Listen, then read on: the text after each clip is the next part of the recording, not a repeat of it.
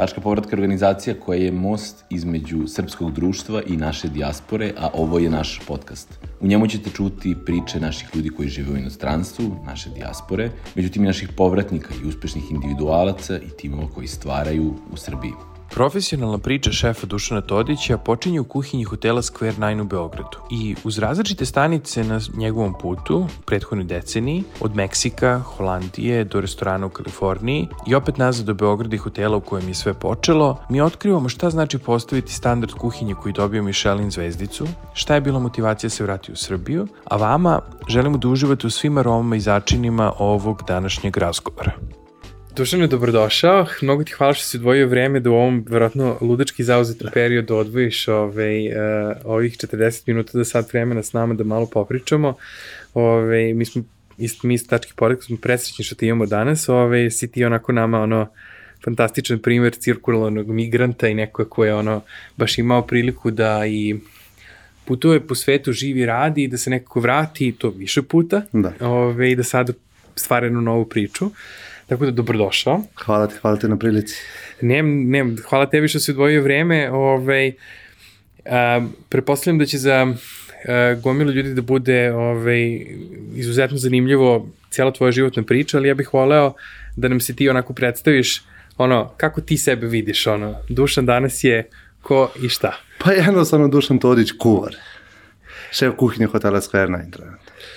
Reci, na što ako zvuči sad ovako vrlo jednostavno kad kažeš, ali ja znam da to dođeš do toga da si kuvar i da se ti osjećaš kao kuvar, treba da prođe, odnosno da protekne mnogo vode. Gde su bili da. počeci Dušanovi kada si još uvek tražio kao kuvar? Pa zanimljivo je to što pitaš, zato što moji prvi počeci, ne, nekako je sve romantično, nego prvi ozbiljni kuvarski počeci mene vezuju za za Hotel Square Nine i tu ekipu koja je, koja je otvorila taj hotel uh Mhm. -huh. i onda nekako sve, sve neke situacije su me dovodile da, da imam priliku, kao što si rekao, da, da živim na više kontinenta, u više zemalja i Kad je, a, koji su to početci, pre koliko je to godina? To sad ćemo 12? to je bilo, sad ću ti reći, to je tačno januar 2010. sam ja došao u hotel i to je otprilike nekih mesec dana pre nego što smo mi zvanično i otvorili hotel. Super, znači tvoji početci kuvarski nekako su onako da kažem ono bile na visokoj nozi u smislu ti, st- ja sam, ko je tad vodio kuhinju? Goran Kovač? Da, da, Goran, Jeste. Goran.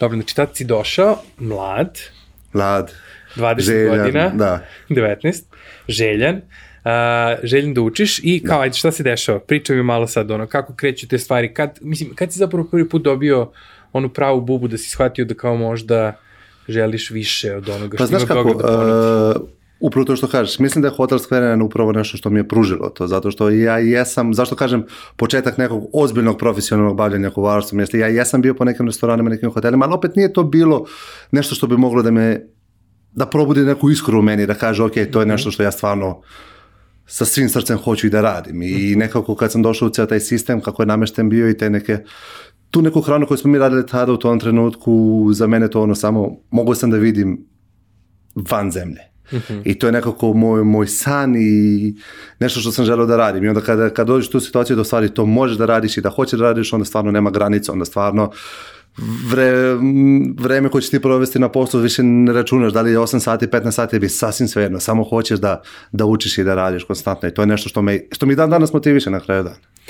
Reci mi kada je, ovaj, meni je uvijek zapravo zanimljivo, ja mislim da ono, ljudi ne shvataju da ti dok trenutka dok dođeš do one kreativnosti kada je kuhinja u pitanju, ovaj, postoji jako mnogo tehnike koja mora da se ovaj, izgradi. Prepostavljam da ti je, kada si kretao, da ti je bilo izazovno da učiš neke stvari koje si mogao da ono, naučiš ovde, ali kad si shvatio da možda da možda u Srbiji ne možeš baš da ono primiš sve što te interesuje kada zapravo prvi put, kako se uopšte dešava da ti prvi put putuješ u inostranstvo da radiš? Kako, šta, šta je bio ono misleni proces? Šta se desilo? Je bilo Pa slučajno? Prvo, pa da kažem, nekako sve slučajno se desilo, opet desilo se u pravo vreme, tako da moje neko prvo iskustvo kada sam stvarno mogao da odem iz zemlje i da da vidim neke stvari što se dešavaju sa strane, jeste mogućnost da odem u Meksiko. Uh -huh.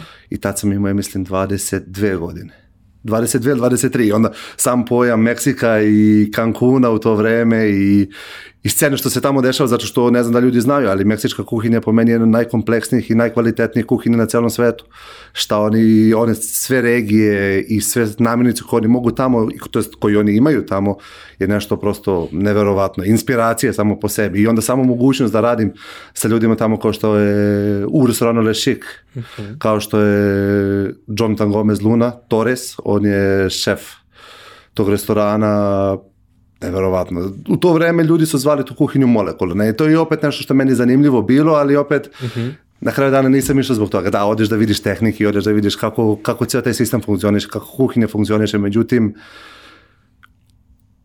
jedina stvar koja me uvek neko motivisala je tela da idem dalje i da probam neke druge stvari jeste ukusi. Uh -huh. I to je nešto što, što je dan danas. Da, Meksiko je recimo, prepostavljam u tom smislu, ono je jedna vrlo specifična ove, ovaj, zemlja, jer ti kad pogledaš Meksiko od severa ka juga, to je, mislim, pored toga što je federalna država, da. to je zapravo toliko različitih Ma, ove, indijanskih plemena, da ti da, da. zapravo imaš kuhinju koja je toliko drugačija od severa do juga, da, da ti meni kad neko kaže kao kakva je kuhinja u Mexico City, ja kažem, kad god sam bio, rekao, a možda me pitaš za regionalnu da. kuhinju, ali kao ne mogu da ti kažem samo jednu, jer ti ne, ne postoji meksička kuhinja postoji, kao ne. takva.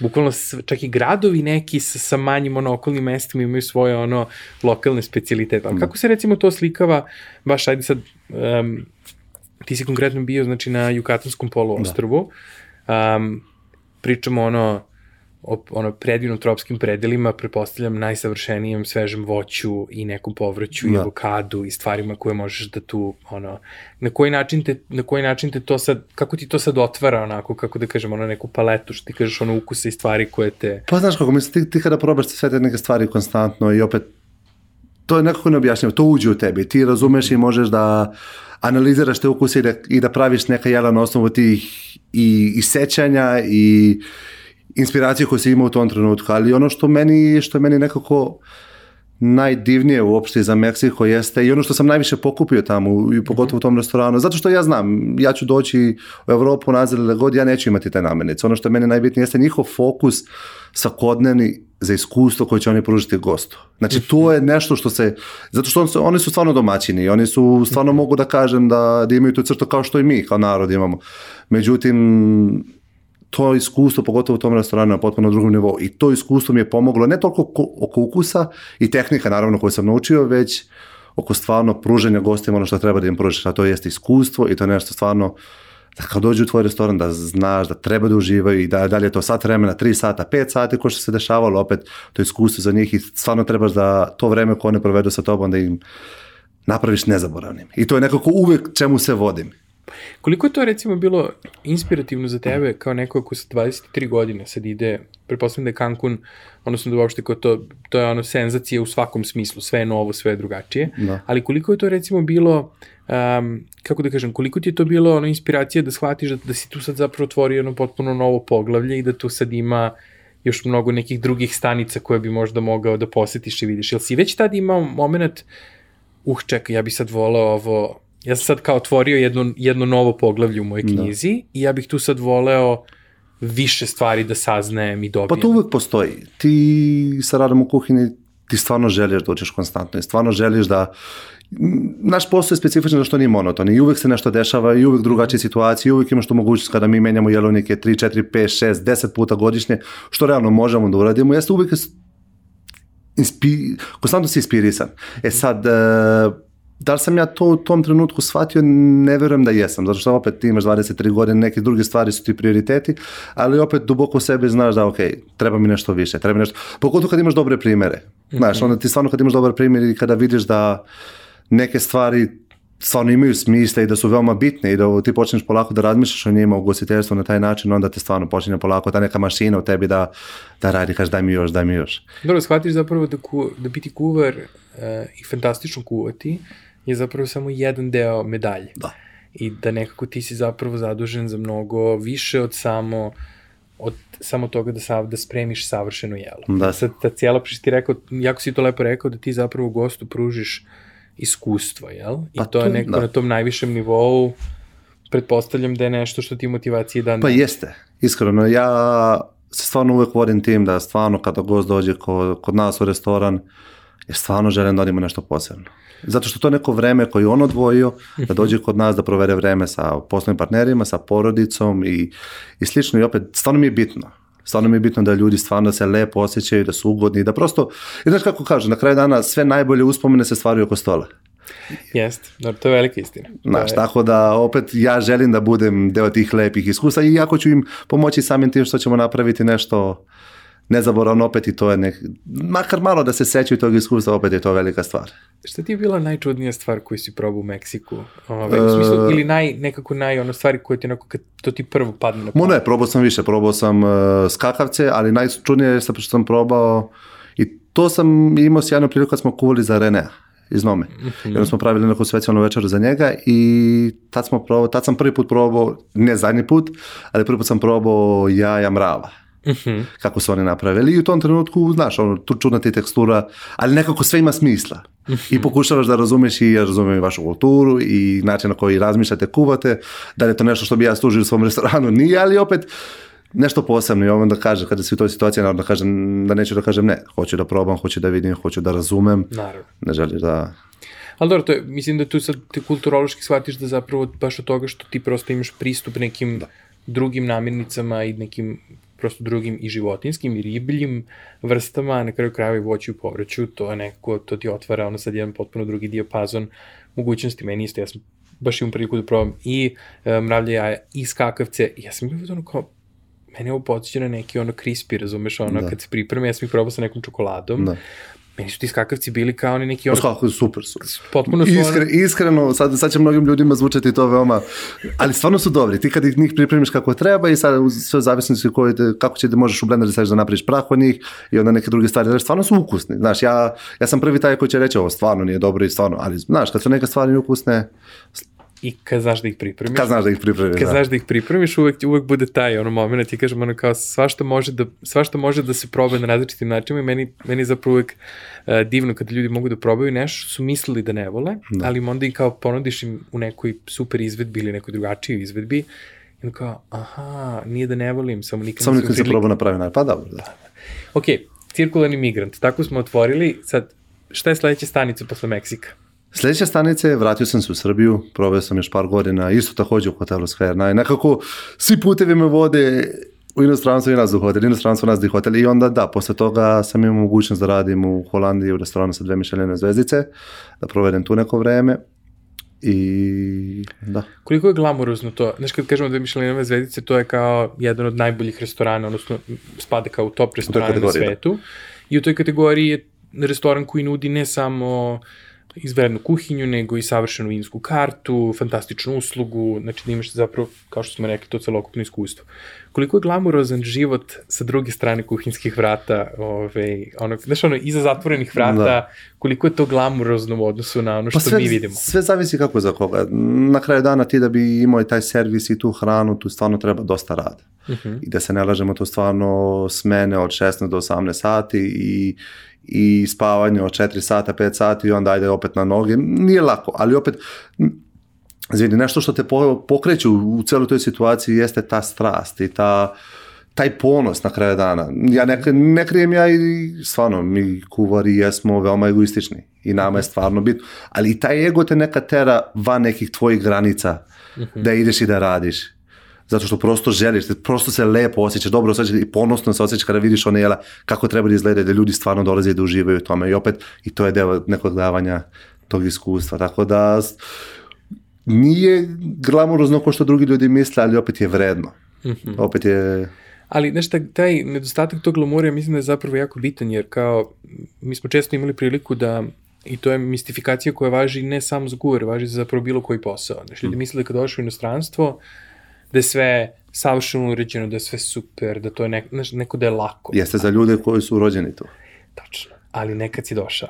Nekad si došao. Tu već počinje ono ozbiljan posao i ozbiljna borba sa sobom i sa nekim navikama koje ti imaš, koje su dobre ili koje nisu dobre, koje društvo prihvate ili ne prihvate. I onda ti moraš da se u kalup neki da staneš tu i da budeš prihvaćen i da radiš da radiš te neke stvari koje se od tebe očekuju na kraju dana. Je li ti bilo lakše možda da se prilagodiš u Meksiku u odnosu na Holandiju? Jeste. Meni recimo to utisak često, Jeste. mislim da smo mi mnogo sličniji Mnogo i, i ne možeš da veruješ koliko puta sam i, i razgovor sa njima, srdačniji smo.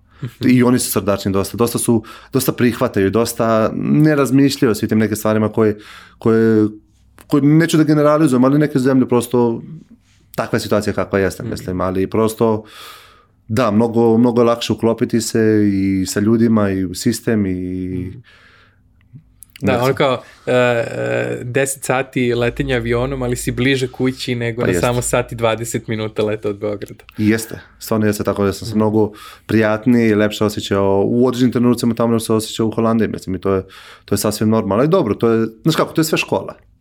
I ti kada živiš u tim zemljama gde god da si, opet, svako iskustvo je dobra škola, ne, ne postoji loše iskustvo. Šta ti je bila recimo iz perspektive tvoje neke tehnike? Da li si recimo imao moment kad si bio u Holandiji da si neku tehniku za koju si recimo mislio da si je super savladao, da tek kad si otišao tamo da si shvatio da kao postoji još mogućnosti za neko dalje usavršavanje. Jesi imao nek, je li ti se to dešavalo? Da, jeste, znaš kako, naj, najveća nekako moment, stvarno kad sam shvatio, ok, ovo je stvarno kuvanje, stvarno mnogo ozbiljnija priča nego što sam mislio, jeste sama to, samo to spajanje ukusa i fokus na, na razvijanje ukusa i tokom, i tokom jelovnika i, i dok jedeš jedno jelo. To, na primjer, nikad nisam bio upoznan sa tim ovde, tako da to je nešto što mi je veoma i dan danas veoma bitno.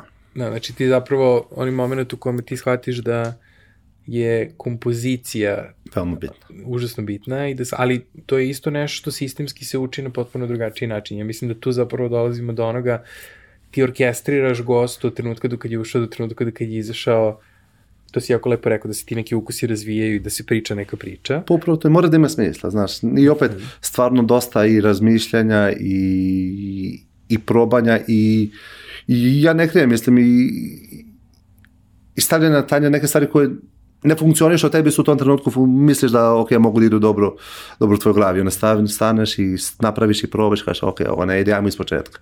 Je ti se dešavalo nekada da od gosta dobiješ kao povratnu informaciju koja kaže ove dve stvari nam, ili ove tri stvari nam proš, prosto nisu išle i da ti to bude osnov da se zapitaš čekaj, čekaj, čekaj, ajde da vidimo da li možda ovo možemo da uradimo da. drugačije.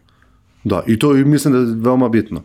Mislim da je veoma bitno za nas i šefovi kuvare da slušamo gosta. I to nekada mislim da, da moje kolege, opet neću da generalizujem, ali znam, kak, znam kakvi smo mi egoistični, da nam je krivo kad neko kaže da nešto nije kako treba, zato što smo znamo koliko smo posla uložili u taj tanjer, ali opet na kraju dana ti kuvaš za te goste i tebi je bitno da svaki gost kad izađe iz tog restorana stvarno kaže ovo je stvarno bilo ukusno.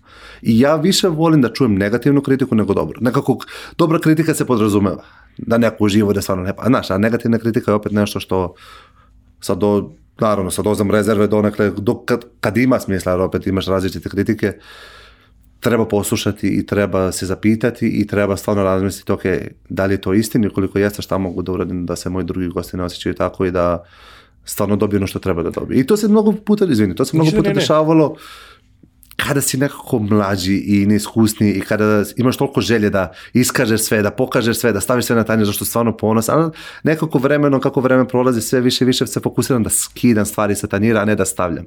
Jer opet, ali to dolazi opet sa tim samopouzdanjem i sa, sa tim šta ti sezona kaže i prosto znaš neke stvari koje idu, a koje ne idu. Pa dobro, da, mislim, pretpostavljam da mora da prođe jako mnogo različitih iteracija menija, raznoraznih na kojima si radio, što kao pomoćni kuvar, što kao neko ko vodi kuhinju, da bi mogao da dođeš do toga da sad se sa tim elementima igraš dosta suvereno. Ja mislim da tu zapravo vjerojatno dolazi. Ja sam, ja mogu kažem, ja sam bio jako, imao sam mm, popriličnu privilegiju ovaj, da probam ovaj, ovaj, neke od tvojih jela koje, sad, koje se sad pripremaju za ovaj najnoviji meni, tako da mogu se onako sa ovaj, velikim zadovoljstvom i sigurnošću da kažem da to što si sad kreirao i osmislio, doći ćemo i do toga, da. je ovaj, onako zaista impozantno i ja se zapravo jako radujem. Hvala. Ovaj, svim, radujem se zapravo za sve one ljudi koji će imati priliku to da probaju prvi put. Hvala. Mislim da je to, ovaj, da je to velika stvar, ali um, hajde da se vratimo na našu cirkularnu migraciju.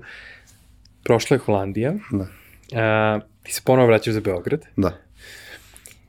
i kad se, kad, kako da kažemo, kad te je ponovo bujela ta buba za putovanje? Po Kad- mene stalno. Mene, u, u, ko, ko, što, mo- ko što možda vidiš, ja, mene mesto ne drži. Stvarno, da li je dobro ili loše, ali stvarno hoću da vidim nove stvari, da, da osetim šta se dešava, da budem u toku i prosto nekada kada gledaš to samo iz neke, iz neke tvoje perspektive na preko laptopa i na internet ne možeš da osjetiš to i to nije to. Ja više volim i da osjetim ok, šta se dešava u Los Angelesu, San Diego, San Francisco, ne, da odem tamo, hvala Bogu, privilegovan sam pa mogu da odem tamo i da, i da vidim iz prve ruke i uopšte, mislim, pomaže mi na kraju dana i, zbog posla, da. Kad si otišao u Ameriku prvi put? Prvi put sam 2010. otišao.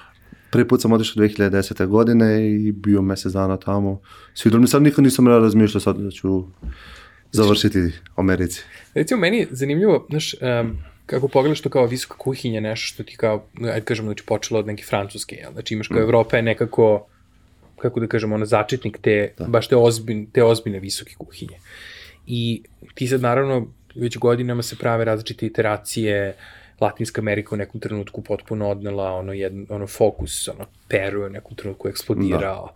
Znači ti sad imaš zapravo ljude koji su imali prilike da se školuju u Evropi, da rade sa poznatim evropskim kuvarima i da onda zapravo to znanje nose i sad zapravo u lokalnim konceptima rade neke super zabavne i zanimljive stvari. Koliko je Amerika tu recimo drugačija ili koje je tvoje to neko prvo iskustvo bilo gde si ti shvatio da kao, u ček, kao sad u ovoj Americi ima isto još nešto što možda može se nauči, što da možda nisu lokalne namirnice, duše u Kaliforniji, verovatno zbog vremena Pa.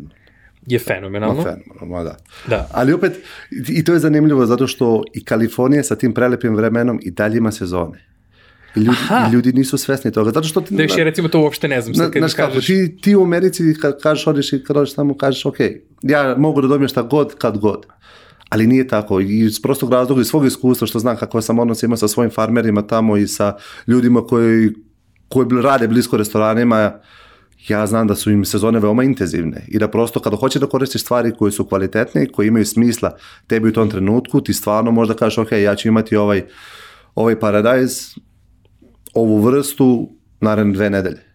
I ti možeš, ok, ja ću da promenim jelovnik dve nedelje, ubacit ću to jelo i to je to. Ali onda za to vreme kada, kada praviš sve te neke stvari, ti si dalje u kontaktu sa njima i oni dalje tebi pričaju, ok, ovo će se desiti, ovo će se desiti, ovo imam, ovo je spremno i ti na osnovu svih tih, tih informacija, kada, naravno, kada hoće da radiš stvarno ozbiljnu kuhinju, što ja smatram, ne smatram ja ozbiljnu kuhinju, kuhinju da se, da konstantno koristiš neke, ne znam ja kakve tehnike, da je 30 različitih tek- tekstura stavljaš na tanjer. Ozbiljna kuhinja za mene kuhinja koja se fokusira na sezonu i za te namirnice koje te okružuju u tom trenutku kako bi ti ih najbolje mogao da daš gostu u tom trenutku. Recimo, um, Kalifornija je verovatno za tebe bila onako najveća prekretnica karijerna. Jeste, da. I ajde reci mi sad, znam imali smo prilike i pre da razgovaramo, um, pretpostavljam da je to ona kombinacija, što ti kažeš, ono činjenica da su ti neke stvari dostupne i da stvarno možeš da ih nabaviš, što u Srbiji nije situacija. A, Što je ali, dobro. Što je, ne, to je, do, pretpostavljam delimitirajući faktor i da je izazov, jel? Pa jeste, ali dobro je to. Motiviše te, daje ti, više ti, ve- već ti izazov, onda više moraš da radiš i opet mo- možeš mnogo više da napredeš, naravno iz koje perspektive gledaš. Ja barem tako gledam. Ja volim da sam u nekako, u nekoj situaciji kad stvarno nemaš izlazi, kada kažeš ok, to je to što se tiče namirnica, ok, Sa ovim radimo. s ovim radimo, ajmo, Koliko ti je Kalifornija bila izazovna iz perspektive, ili ne izazovna, ili kažem inspirativna iz perspektive kuvara sa kojima i ljudi koji su ono kao u tom restoranskom svetu zaista ono, svetski poznata imena, koliko ti je tu recimo bilo koliko ti je to bio neki ono, da kažem, ono, novi izazov za učenje? Šta si sve, šta si sve odande doneo? Ajde to Znaš nekako kako, bude pitanje. uh, nekako zanimljiva priča zato što sam ja bio u San Diego sve, Mhm. sve ovo vreme i nekako zanimljiva priča zato što sam ja znam nekako na kraju dana kakva tip kuhinje me interesovalo i sva sreća donekle pa sam saznao da, za restoran Edison u San Diego i u tom trenutku to je bilo jedino mesto gde sam ja želeo da radim. Nebitno, da li, da li je Evropa ili bilo gde, Mhm. to je jedino mesto gde sam ja želeo da radim. I nekako su se, nekako su se kockice sve sklopile da sam ja bukvalno kad sam dobio svoju radnu dozvolu, da sam bukvalno dobio social security, dobio, dobio to, izvini, social security pa onda radnu dozvolu, bukvalno kad sam dobio radnu dozvolu, ja sam otišao u taj restoran, kucao na vrata, CV ispod pazuha i kažeš ok, došao sam ovde, hoću da radim, ne prihvatam neka odgovor. Bukvalno, pa ne, mislim, šta možeš da dobiješ? Možda kažeš, ne, ne možemo, nemamo mesta za tebe, ali možeš kažeš, ok, daćemo ti priliku što se meni desilo, ali to ljudi vole da vide, oni vole da vide tu želju i glad za radom, zato što na kraju dana i ti si dobar za njih zbog toga. Pa da. I nekako Edison mi je uvijek bio u glavi i uvijek je bila ta mogućnost da radim sa, sa William Bradleyem, šefom i sa Antonim Sekvjerem koji sad ima restoran u Palo Altu, Proteže se zove, ima jednu zvezdicu i stvarno, mislim, Fantastično. fantastično, ma da, mislim, nekako sve što sam zamišljao je bilo tako. Kada staviš na tanjer i one stvari, oni ukusi, to je sve bilo ono što sam ja želao i to je tom trenutku bilo, bilo fenomenalno. To je zapravo ostvarenje jednog tvog sna, da. pretpostavljam. Znaš, ti imaš, pretpostavljam da, i taj, da imaš i taj moment da kao ovo sam sad skinuo sa liste stvari koje želim da postignem u životu. Da. Ali šta onda sebi postavljaš kao sledeći kao sledeći Pa izazov? naravno, mislim, kreće, ok, kada, kada se osjetiš dovoljno samouveren da kažeš, ok, spreman sam za dalje, za, za dalje korake, za, da, za dalje napredak u karijeri, onda kreće, ok, koje, šta ja želim? Želim da vodim kuhinju. Gde želim da vodim kuhinju? Onda kreneš, ok, trenutno sam u San Diego, sviđa mi se tu, da vidim koji su ti ljudi koji, koji razmišljaju slično kao ja, koji su strastveni kao gostiteljstvo kao ja i ok, nađeš određeni ljudi koji hoće da rade kao sa istom dozom strašću kao što ti hoće da radiš i onda prosto nekako se to nađete i, i onda krene sve kako treba. Dobro, ajde, priča nam sad kako kreće ta lodnica. O, za, ovo, za ovaj zadnji restoran? Pa, n- to je, to je stvarno neka fenomenalna priča koju stvarno bukvalno kreneš od početka, kad sam ja došao u taj restoran, restoran Žune Jolie u San Diego, mm, to je već restoran koji čulo se za njega. Ja sam došao dva meseca nakon što su oni otvorili, dali su mu tu priliku da, da vodim kuhinju sa, sa tadašnjim šefom i tu već kreće neka, opet, neka priča i taj ego kuvarski kada krene, kada kažemo ok, ja ne želim da služim bilo šta, dovoljno, toliko sam radio u životu da bi došao na neki nivo koji ja smatram da da je okej, da, da daje ljudima ono, ono što stvarno ja mislim da treba i ja ne želim da služim bilo šta. I onda taj, neki ego i ta neka buba u tvojoj glavi krene te priča, ok, gosti dolaze ovde zbog nas, zbog naše hrane, hrane, sad ćemo mi da krenemo da pravimo mnogo, mnogo bolje stvari nego što, što su oni misle da će, da će praviti. I onda uz podršku vlasnika i uz podršku tadašnjeg šefa mi krećemo polako da, da ozbiljnije da se bavimo sa, sa svim tim. I onda ono što je, uvijek će mi ostati u glavi jeste ti momenti, znaš, krene ti servis, vidiš ljudi dolaze sa plaže, u lepo japankama, majčici, sve dođe, sve, sve nekako lepo i onda vremenom kako ti ozbiljnije radiš i kako se polako menja stvar, onda vidiš polako, ok, ljudi više ne dolaze tako, dolaze u pantalonama, sako, haljenica, znaš, onda se nekako sve već to menja na neki način na, na koji, koji ti hoćeš, ali samo zbog toga što ti prosto ego ti ne da mira i prosto ne želim da radim bilo šta, prosto cenim dovoljno sebi svoje znanje i onda nekako sve, sve Da, to je zapravo transformacija jedna koju si ti imao prilike da vrlo originalno gledaš od samog početka. I to je da. I, ok, ta transformacija se završava prošle godine sa... Ta transformacija se završava ove godine. Ne, mislim sam prošle godine na Zvezdicu. Ne, ove godine bila. A, to je ove godine. Da, da, to je ove godine bila. da, da. 2021, dobro. Da, da, da, to, pa da, završava se kao da smo, moj restoran i moj tim, dobili smo Michelinu zvezdicu, našu prvu.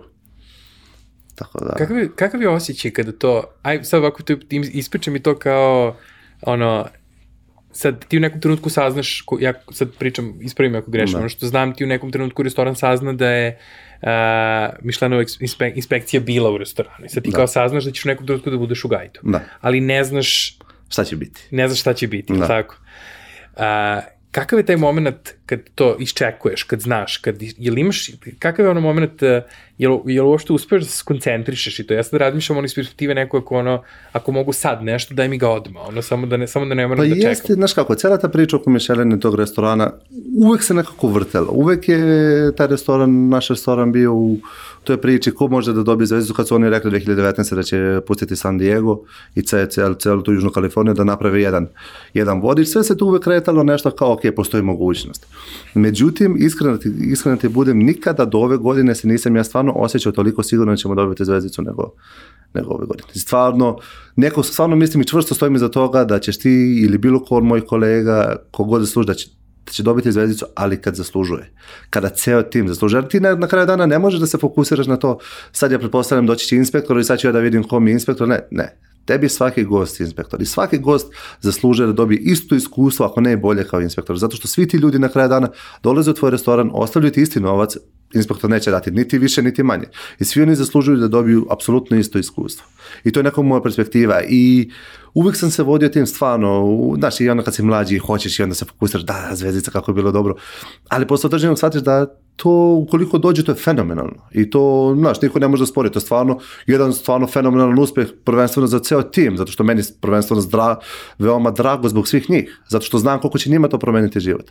Ali na kraju dana meni je najbitnije da naši gosti izađu iz restorana zadovoljni. I ukoliko mi možemo da im ponudimo naravno hranu na tom nivou, kao što da te pre, prizna Michelin, to je stvarno još jedna, još jedna do- dodatna stvar. To je, mislim, to je velika stvar zato što to je sad neko priznanje koje i za ljudi koji to možda ne poznaju na tako detaljan način i kako da kažem, ono, suštinski kao ti, ali imaš, ja mislim da tu postoji onaj moment u kojem mi možda ne razumemo da je to, to si jako lepo rekao, na što je zasluga celog tima. Ti imaš Uvek, uvek, somelijeja, uslugu, imaš ono, od trenutka kada je neko ušao u restoran, kako je neko pozdravio, kako mu uzeo Uvek. stvari, do trenutka kako ga je neko ispratio iz tog Ja uvek, ja, restorana. ja uvek kažem, to nije zasluga niti mene, niti Erika, nego celog tima. Mm -hmm. Celog tima. Jer nama, nama je najlakše da stavimo stvari na, na taj način i kažemo, ok, ovo ćeš ovako da služiš. Oni su ti koji svaki dan rade to, koji svaki dan slušaju nas, da smo, da smo strogi prema njima, ali nismo, to zavisi od njih kako rade na kraju dana, ali istina je, mislim, ali to na kraju dana oni su zaslužni za to i sva pohvala njima ide i zato ne volim da, ti si niko bez dobrog tima. Niko i ništa. Ti možda budeš najbolji kuvar, najbolji šta god na svetu, ali ti ako nemaš tim koji može da ti isprati to i da stvarno predoči tu neku viziju koju ti želiš, to stvarno onda nema smisla. Nemaš ti to kuvaš za svakog gosta. I na kraju dana tebi je cilj da ti, ti momci i devojke koji rade kod tebe u kuhinji, koji se stvarno odriču dosta stvari i, i, žele da to neko svoje vreme i svoje neko odrastanje, zato što svi oni, znaš, 22, 3, 4 godine, i oni su i dalje mladi i oni, oni su tebi dali tu mogućnost da tu njihovu mladost oni provode sa tobom i opet, kao što je meni neko dao kad sam ja bio tako mlad, tako ja nekom dajem sad, tako da Koliko ti drugačija ta recimo prilika bila, aj sad da kažemo ono čisto iz perspektive nekoga ko je i radio u Srbiji i radio na različitim mestima u inostranstvu, koliko ti je recimo kada si bio šef kuhinje u Žena Želi, koliko ti je to bio ono, kako da kažem, izazov za tebe samog da nekako budeš dobar menadžer, jel? Da budeš neko ko kao U, tim ljudima vodi računa, ja mislim veoma. na jedan drugi način. Veoma. I nije me sramota da kažem da nisam bio dobar u tome. Ne mislim da sam sad dobar, ali verujem da sam, da sam mnogo bolji nego što sam bio. Iz prostog razloga što ti kada polako ulaziš u te neke vode, onda shvatiš da, ko što, ko što sam ti rekao, najlekše je kuvati. Znaš, ti moraš i da brineš o tim ljudima, ti moraš i da ih čuješ i neke probleme i da ih, i da ih razumeš i uopšte u svim tim problemima da im, da, i- da im pokažeš kako da rade i da ih motivišeš svakodnevno da rade to na tom nivou na kom ti želiš i to nije lako. Znaš, i to, ja, ja ne krejem, ja sam stvarno bio, i neću kažem, imao sam probleme što se tiče toga, da li neka moja tvrdoglas nisam želeo da čujem te neke stvari i prosto me nije zanimalo, to što je malo i sebično bilo sa moje strane, jer prosto, ali, ali to je sve škola koju, koju moraš da prođeš, koju možeš da naučiš i ti ukoliko naučiš sve te neke stvari, onda prosto dalje, neki, dalje, dalje, neke razvi, dalje, izvini, dalje neko razvijenje ti je mnogo bolje. Dobro, znaš kako kažu, postoji jedan dirigent u orkestru. Da. Znaš, tako da to je, i sa te strane, mislim da to, ono, to je velika odgovornost, sigurno, ali vidiš, meni je baš divno to što si rekao, na, na poenta ega. Um, ja mislim da bez tog ega nema uspeha, jer ti ne ideš nadalje. Taj ego te gura da, Da. da ti budeš svako sutra da bude bolja verzija I da nikad nisi zadovoljan. da nikad nisi zadovoljan. To je, ta, to je ta glad, to si lepo rekao, taj drive. Um, ali imaš s druge strane, isto je super da s vremena na vreme imaš i taj ono, reality check, gde ti kažeš ček, ček, ček. A kao, dobro kuvaš. Super znaš da osmisliš meni. Aj sad kako možda motivišeš ove ljude da rade najbolje što mogu svoj posao. Znači da ti iz njih zapravo izvučeš ono što izlačiš iz namirnice Da. koju Ono poznaješ. najbolje. Ono što je najbolje. Da. Je li to nešto što misliš da je a, e, nešto si savladao ili nešto što tek otvaraš kod sebe? Što otvaram. Definitivno, definitivno nisam savladao i definitivno smatram da to nešto što treba dosta vremena da prođe, da ti razumeš i da, da razumeš sve, sve ličnosti i kako da im priđeš drugačije i kako da im pokažeš i kako da im daš savjet i kako da im pomogneš u određenim situacijama. I smatram to, mislim i to je normalno. Ja još uvek učim to i učit ću naravno dok, dokle god sam živ, mislim. Nema to mnogo, nema to mnogo razmišljanja. Sad ima jedna zanimljiva priča koja je, e, u stvari, zanim, zanimljivo dešavanje. pre dva meseca, uh, nakon svog ovog uspeha koji se desio, koji, kad neko posmeta sa strane, rekao bi, ovaj čovjek je sad na raketi koji ide na mesec. Ti odlučuješ da se vratiš u Srbiju. Da. Uh, šta su ti bile sve motivacije za to? Pa iskreno, Mislim, uvijek je kombinacija stvari, ali... Jeste, jeste, ali najveći neki mm, izazov. Mhm. Jer opet ti treba nešto i opet ti kad, kad dođeš na taj neki nivo, ne kažem da sam ja ne znam na kom nivou, ali opet kada radiš neke stvari na određenom nivou, onda ti posle određenog vremena ti postane rutina i ok, znaš da, znaš da to možeš da radiš svakodnevno i da radiš dobro i ne govorim to ja, nego vidiš da ti restoran pun svako večer, da više ne možeš gostiju da primiš i da postoji i dalje ta, ta lista čekanja i onda, znaš, ali posle toga treba ti neki izazov i treba ti korak dalje i sama ta mogućnost da, da se ja vratim ovde smatram da je jedan od izazova i da prosto, da stvarno uživam u tome, stvarno treba, I što je lepo, rekao si korak dalje. E, za gomilu ljudi postoji to uvrženo shvatanje da kad se vraćaš u Srbiju da je to korak nazad. pa kako ko gleda. Da. Da, kako ko gleda. Ja mislim da, ali to je jako bitno, znaš, mi, mi se trudimo da neko kroz ovaj podcast između ostalog baš ispričamo i to, da ljudi koji vide ovo mesto kao izazov i kao mesto za korak dalje, kao što si ti, ove, da zapravo sad ovde u ovim uslovima stvaraju sad neku svoju priču sa svim tim znanjem koje si ti pokupio iskustvom na kraju krajeva, renomeom, um, ali i kontaktima, verujem. Da. Ove, ti se sad vraćaš u Beograd, ponovo u Square Night, da. znači kao pun krug, ono mesto gde je sve počelo. Da. I šta radiš sad u Square Night? Ok, vodiš kuhinju, ali da. šta stvaraš? Sa, meni Pa rast, ovaj- rastem, rastem sa timom. Eto, to je nekako jedno što mogu da kažem, rastemo na pravi način, pokušavamo stvarno da pružimo našim gostima nešto što stvarno mislim da naši gosti zaslužuju. I to je neko posebno iskustvo i taj moment kad dođeš kod nas i u naš restoran i sa našim servisom i hranom i svime, i svim, svim detaljima koji ide, to jest koji idu u ceo taj obrok, mislim da je to nešto što Beogradu treba i da prosto moment za to. Super, to je, da, ja mislim isto da je ono, vreme je uvek bitan faktor. Um, ali ajde reci mi, šta su recimo, šta su, ti, šta su namirnice koje te kad je Srbija u pitanju inspirišu i koje su ti onako izazov, ajde tako da kažem, ove, a koje možda nisu bile kada si bio u Kaliforniji? Pa nema mnogo, iskreno. Uh -huh. Nema mnogo. Ono što meni sad najbitnije jeste da treba će mi vremena, naravno, da ja razumem celo naše, naše tržište, da razumem ljude koji, koji rade to što rade, kako rade, što se tiče proizvoda i da prosto želim da stvorim nekako, to mi najveći izazov, da ja stvorim dobru priču sa njima, da oni razumeju da, da su mi potrebni, da prosto želim da koristim njihove proizvode. Uh -huh. I to je, zato što veoma mali broj proizvoda koje sam ja nisam koristio, pogotovo kod nas. Mislim, nije da sad mi imamo, ne znam, koliki, koliki izbor, to je to, ali prosto smatram da naši proizvodi pravilno iskorišćeni i stvarno dobri proizvodi koji imamo, stvarno mogu da budu mnogo bolji nego, nego i tamo što sam koristio, tako da... A šta ti je, šta su to dobre stvari? Da li su to dobri sirevi, je li to dobro meso, šta, dobro povrće? Gde smo tu, ono, šta su stvari koje su ti kod nas, ono... Pa dobro povrće.